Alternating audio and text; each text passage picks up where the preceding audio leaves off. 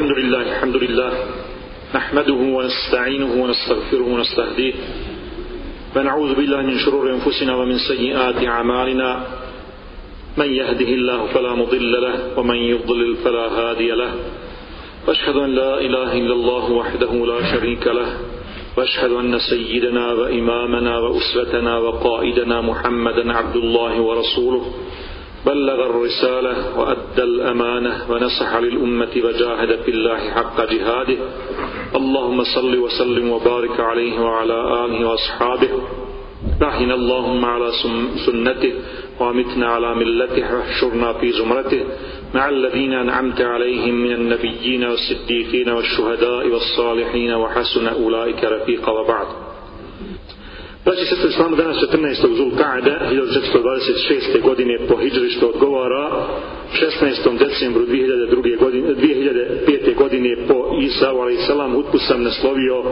sa požurimo Allahom želšanu oprostu i džennetima. Na pomenutu temu ću inšala govoriti kroz tumačenje ajeta iz sure Ali Imran od 133. do 135. ajeta. Allah ono šanu u 133. ajetu sure Ali Imran kaže se bilah Vašariju ila magfiratim mir rabbikum wa jannatin arduha samavatu wal ardu uiddat lil muttaqin i požurite oprostu svoga gospodara i džennetu prostranom kao nebesa i zemlja koji su pripremljeni za one koji se Allaha boje. Citiranim ajetom uzvišeni Allah nam naređuje da hrlimo, da žurimo njegovom oprostu i da žurimo džennetu koji je prostran kao nebesa i zemlja. Džennet je kao nagrada obećan za bogobojazne, odnosno mu tekije, a to su oni koji se Allah boje i uzimaju sebi za štit od džahennemske vatre svoja dobra djela. djela. Teki, odnosno bogobojazni, izvršavaju ono što im se naređuje. Zatim oni se čuvaju Allah ilšanuhu zabrana. Oni su pokorni svome gospodaru i pokorni su svome poslaniku sallallahu alaihi wa sallam i oni su poslušni svojim ispravnim predvodnicima. Bogobojazni su korisni za užu i širu zajednicu. Oni su poslušni prema svojim roditeljima. Oni dobro vode računa o svojim ženama i svojoj djeci. Oni čuvaju rodbinske veze. Oni ne varaju, ne varaju na vagi.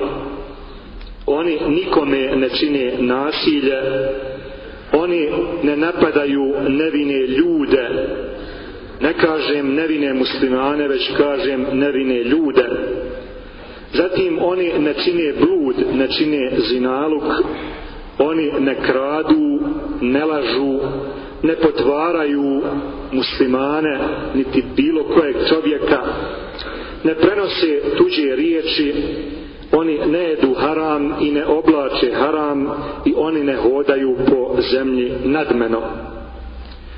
Ibn Kesir tumačići širinu dženneta koji je pomenut u citiranom ajetu kaže neka ulema kaže da je širina dženneta kao ista kao i dužina budući da se nalazi ispod samog arša što pretpostavlja da je džennet okruglog oblika s jednakom dužinom i širinom, a na to upućuje i sljedeći hadis koji bilježi Buharija.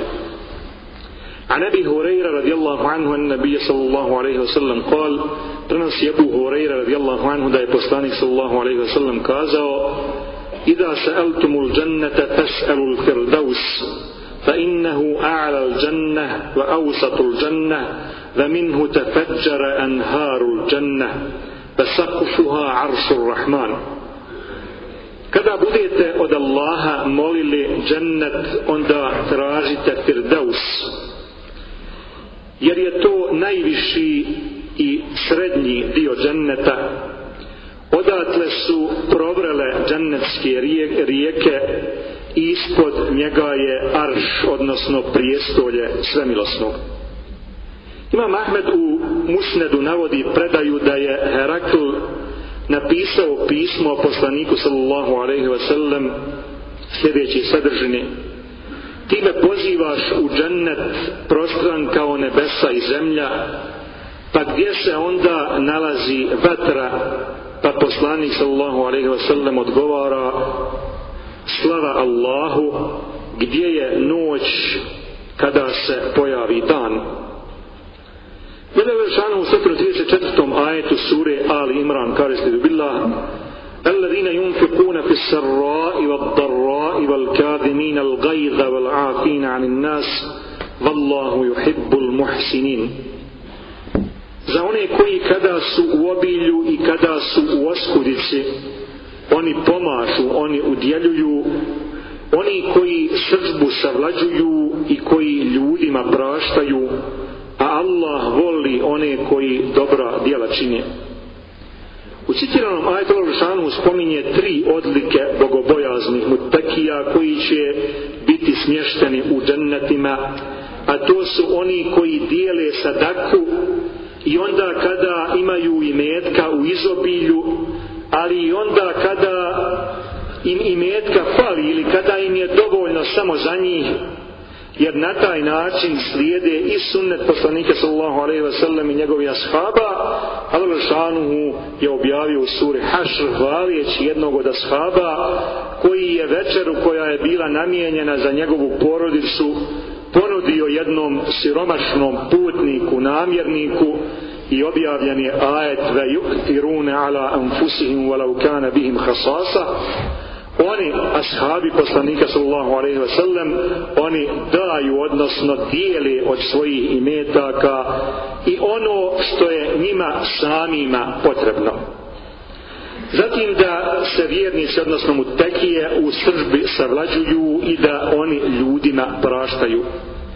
Završano u 92. ajetu sure Ali Imran govoreći o dobročinstvu kaže ste dobila Len tenalu birra hatta tunfiku mimma tuhibbun vama tunfiku min šeji'in fa inna Allahe bihi alim Vi nećete zaslužiti Allahovo zadovoljstvo i nagradu sve dok ne budete dali dio onoga što vam je najdraže a što god vi budete dali Allah za to znao Poslanik sallallahu alejhi ve sellem u sljedećoj predaji podučava nas ko je to od nas snažan.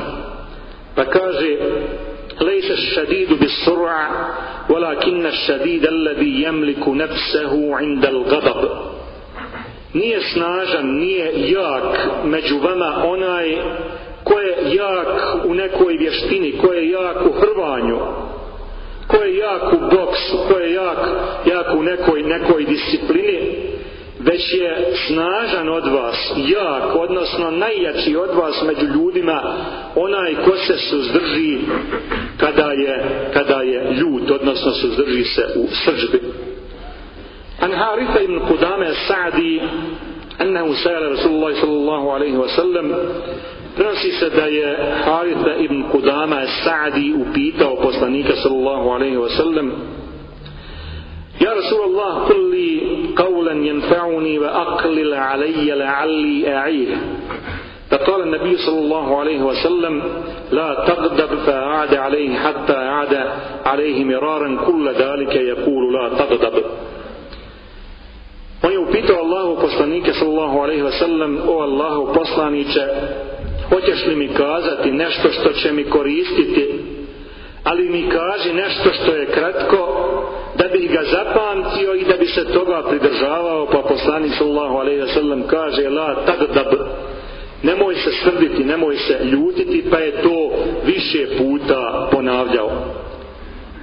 Po sljedećem hadisu abdest je sredstvo kojim ćemo od sebe odstraniti srđbu, pa u hadisu koji bilježi Ahmed stoji Anatija ibn Sa'da Sa'di, enne Rasulullah sallahu alaihi wa sallam, kal prenosi Atija, Ibn Sa'd As-Sa'di da je poslanik sallallahu alejhi ve sellem kazao innal ghadaba min ash-shaytan wa inna ash-shaytana khuliqa min an-nar wa inna ma tutfa'u an-nar bil ma' fa idha ghadiba ahadukum falyatawadda Selba je od šeitana a šeitan je stvoren od vatre a vatra se gasi vodom Stoga kada se neko od vas rasrdi, kada se naljuti, neka uzme abdest i on će ugasiti svoju srđbu.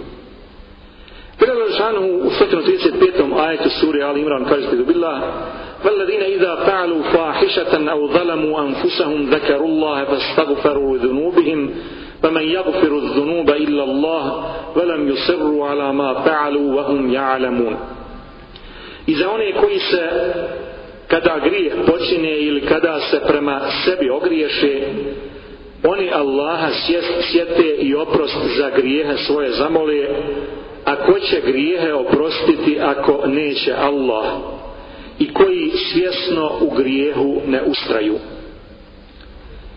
Sljedeći hadis svjedoči neizmjernu Allahu šanuhu milost. A nebi Hureyra radijallahu anhu anna nabija sallallahu alaihi wa sallam kal إن رجلا إن رجلا أذنب ذنبا فقال رب إني أذنبت ذنبا فاغفره لي فقال الله عز وجل عبدي عمل ذنبا فعلم أن له ربا يغفر الذنب فيأخذ به قد غفرت لعبدي ثم عمل ذنبا آخر فقال رب إني علمت ذنبا فاغفره لي فقال تبارك وتعالى علم عبدي أن له ربا يغفر الذنب فيأخذ به قد غفرت لعبدي ثم عمل ذنبا آخر فقال رب إني علمت ذنبا فاغفره لي فقال الله عز وجل عبدي علم أن له ربا يغفر الذنب فيأخذ به أشهدكم أني قد غفرت لعبدي فليعمل ما شاء Prenosi Abu Hureyre da je poslanik sallahu alaihi wa sallam kazao Ako čovjek učini neki grije, pa kaže uputi dovu svome gospodaru, gospodaru moj počinio sam grije, pa ti meni oprosti, Allah uzvišeni na to kaže, moj rob je učinio grijeh i zna da ima gospodar koji oprašta grijehe ili kažnjava ljude zbog učinjenih grijeha, pa ću mu oprostiti. Ako zatim ponovo učini grijeh, pa kaže gospodaru moj, počinio sam grijeh, pa mi oprosti moj grijeh, uzvišeni će kazati, moj rob zna da ima gospodara koji oprašta grijehe i kažnjava, pa ću ja njemu oprostiti. Ako potom ponovo učini grijeh, pa kaže gospodaru moj, učinio sam grijeh, pa oprosti mi, Allah uzvišeni će kazati moj rob je znao da ima gospodara koji prašta grijehe ili kažnjava za njih uzimam vas za svjedoke da sam oprostio svome robu pa neka on radi što hoće naravno ovo se odnosi, odnosi na manje grijehe ne odnosi se na velike grijehe po sljedećem hadisu Proklet Iblis će zavoditi ljude, Allah Žanuhu će onim vjernicima koji se budu kajali praštati njihove grijehe.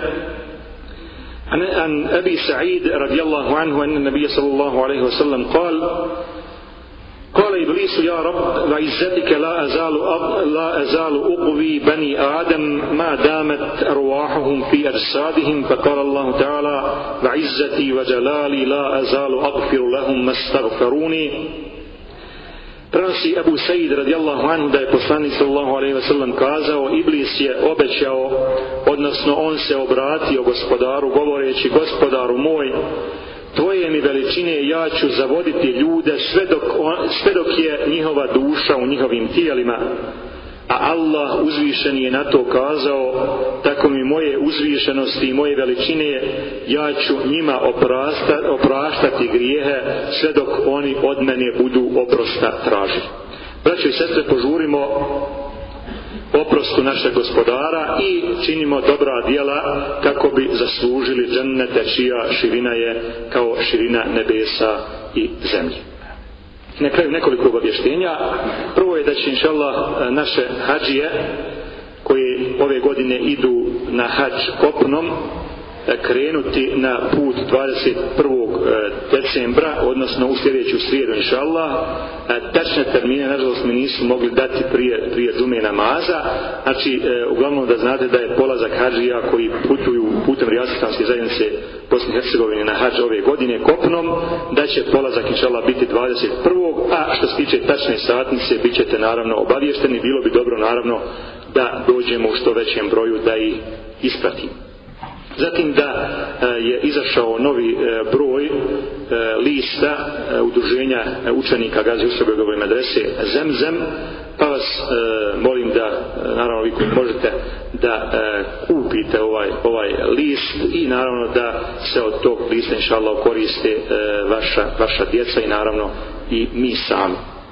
Zatim da, kao što sam najavio i prošloga petka i ovoga petka, zaista se radi o jednoj izvrsnoj e, vrijednoj knjizi, Islam i e, kršćanstvo u potrazi za istinom od autora Ahmeda Didata, e, jednog od najvećih polemičara e, sa e, kršćanima sa e, predstavnicima jedne i druge e, crkve, zatim da je izašla nova e, vrijedna knjiga, primjer istinskog vjerovanja iz života vjerovjesnika, ashaba, evlija i šehida od doktora Ahmeda Ferida. Danas imamo neuobičajnu Sergiju, Inače tražimo, odnosno ovdje organiziramo Sergija za e, pomoć u temeljitoj rekonstrukciji džamija i ne izlazimo iz tih okvira. E, ovoga e, puta e, smo odstupili od toga, naime danas želimo da organizujemo Sergiju za pomoć e, mežlesu islamske zajednice Poča. Možda je absurdno u isto vrijeme sramota, neki su mi počači čak juče govorili, možda je sramota da, da, da organiziramo Sergiju kod toliko bošnjaka iz Foče da je islamska zajednica u Foči došla na taj nivo da ne može da izdržava dvojicu imama, odnosno da nije u stanju da obezbijedi redovna sredstva za funkcionisanje islamske zajednice u Foči. Prije agresije na Bosnu i Hercegovinu Bošnjaci su činili 55% stanovništva na prostoru općine Koča koja spada u red najvećih, najprostranijih općina u Bosni i Hercegovini. Agresijom na Bosnu i Hercegovinu Bošnjaci Koče su protjerani sa svojih, svojih ognjišta, uništena je njihova imovina, a tom prilikom je ubijeno oko 700 civila. Za 385 počaka se još uvijek ništa ne zna, među kojima je na desetine onih bolesnika, pacijenata koji su bili u bolnici u Foči koji su liječili i ljekarskog osoblja, naravno bošnjaka. 1300 kočaka je palo sa puškom u ruci. Braneći Bosnu i Hercegovinu, ja kada god govorim o koči, uvijek se sjetim decembra 1992. godine, nakon neuspjele akcije proboja, odnosno deblokade Sarajeva preko Jahorine, kada su sve jedinice vraćale se u matičnu bazu osim je od bataljona, počanskog bataljona, koji je tada ostao u Slavljevićima pored Logorskih vatri, zima je bila, decembar je bio, jer nisu imali gdje da idu, nisu imali jednostavno svoje bazi. Onda kada je prijetila opasnost da Sarajevo bude u potpunom obruču, Fočanska brigada, odnosno Fočaci su u jednom danu 93. kada je palo Trnovo, u jednom danu su izgubili čitav bataljon. Na preskoku, onda kada su se druge jedinice povlačile i bježale, počaci su tada na proskoku izginuli. Čitav jedan bataljon je bio što poginuli, što teško ranjenih počaka. Žalosno je da su počaci kao i moji rogatičani, i višegrađani, i ruđani, i čajni, i, i bošnjaci iz čajnica, uglavnom prodali svoju imovinju ili je poklonili. Možda možemo bolje rađe da kažemo da su je poklonili nego prodali. Jer 16.000 maraka bošnjak koji živi u Švedskoj, koji uzme za svoju kuću, on zaista pravi sramot. Ako je neko imao pravo da proda nešto o svoje imovine, onda su to imale pravo učiniti žene srebrenice. One to nisu učinile. Bošnjaci, pogotovo u jugoistočne Bosne, nažalost su poklonili svoja imanja i ne žele da se vrate, nažalost većina njih ne žele da se vrate na svoje ognjište. Zbog toga je apsurdno da danas tražimo, odnosno da danas organiziramo ovdje Srbiju za pomoć za funkcionisanje islamske zajednice u Foči. Na temeljima Sultan Fatimine džamije su četnici izgradili spomen obilježje četnicima. U proceduri je da se na toj istoj lokaciji izgradi i kapela. U to, da se spriječi ta aktivnost uključene i neke međunarodne institucije i nadamo se da do toga neće, neće doći. Kada je u pitanju Šehova džamija, na temeljima te džamije su iz, je izgrađena birtija, dva poslovna prostora i zahod, WC, na temeljima džamije. Nakon godina borbe je donešena je odluka da se, da se to ukloni. U me, Mejtepu, šarenom Mejtepu, u Foči su četnici silovali bošnjakinje. Hvala kako prema tome može bilo koji bošnjak iz Foče ili bilo koji drugog mjesta da razmišlja o poklanjanju, odnosno prodaji ili zamjeni svoje imovine nakon svega toga što, se, što nam se desilo. Braćo, pogotovo vi koji ste sa prostora Foče, ako živite ovdje, ako dolazite u džamiju, molim vas, učinite to vi, ali i oni s kojima komunicirate, zamolite i braću, s kojima se znate koji, koji su s tih prostora da se učlanite u islamsku zajednicu poče jer ćete na taj način pomoći funkcionisanju islamske zajednice dvojica imama koji su tamo na prostoru mezeca islamske zajednice već mjesecima nemaju plate jer ja islamske zajednice je pomagao koliko je mogao i glavni imam već duže vrijeme najavljuje da će se povući iz počeja i da nema apsolutno zainteresovanog svršenika fakulteta islamskih nauka ili u Sarajevu ili u bilo, na bilo kojem islamskom univerzitetu da je spreman da ide da se, da se i na taj način bori, bori za opstanak Bošnjaka odnosno za, opstanak, za, za očuvanje cjelovite, cjelovite Bosne, Bosne i Hercegovine. Zbog toga vas molim da svaki kočak A nemojte mi reći da ste siromašni, da nemate, da je dužan da se učlani u islamsku zajednicu hoće i to da plati članarinu prema svojim mogućnostima. Najmanja članarina u islamskoj zajednici je 24 marke, ali za one koji imaju, koji se bave biznisom, a ima mnogo kočaka koji se bave, bave biznisom i moji rogacićana i ostali, koji ima članarina ne treba biti 24 marke, već treba biti stotinu maraka ili hiljadu ili više, više maraka jer ćemo na taj način pomoći i funkcionisanje islamske zajednice, odnosno sačuvat ćemo, u zalogu članu, sačuvat ćemo e, taj, taj prostor. Na kraju molim Allahu Subhanahu da nas učvrsti na putu islama.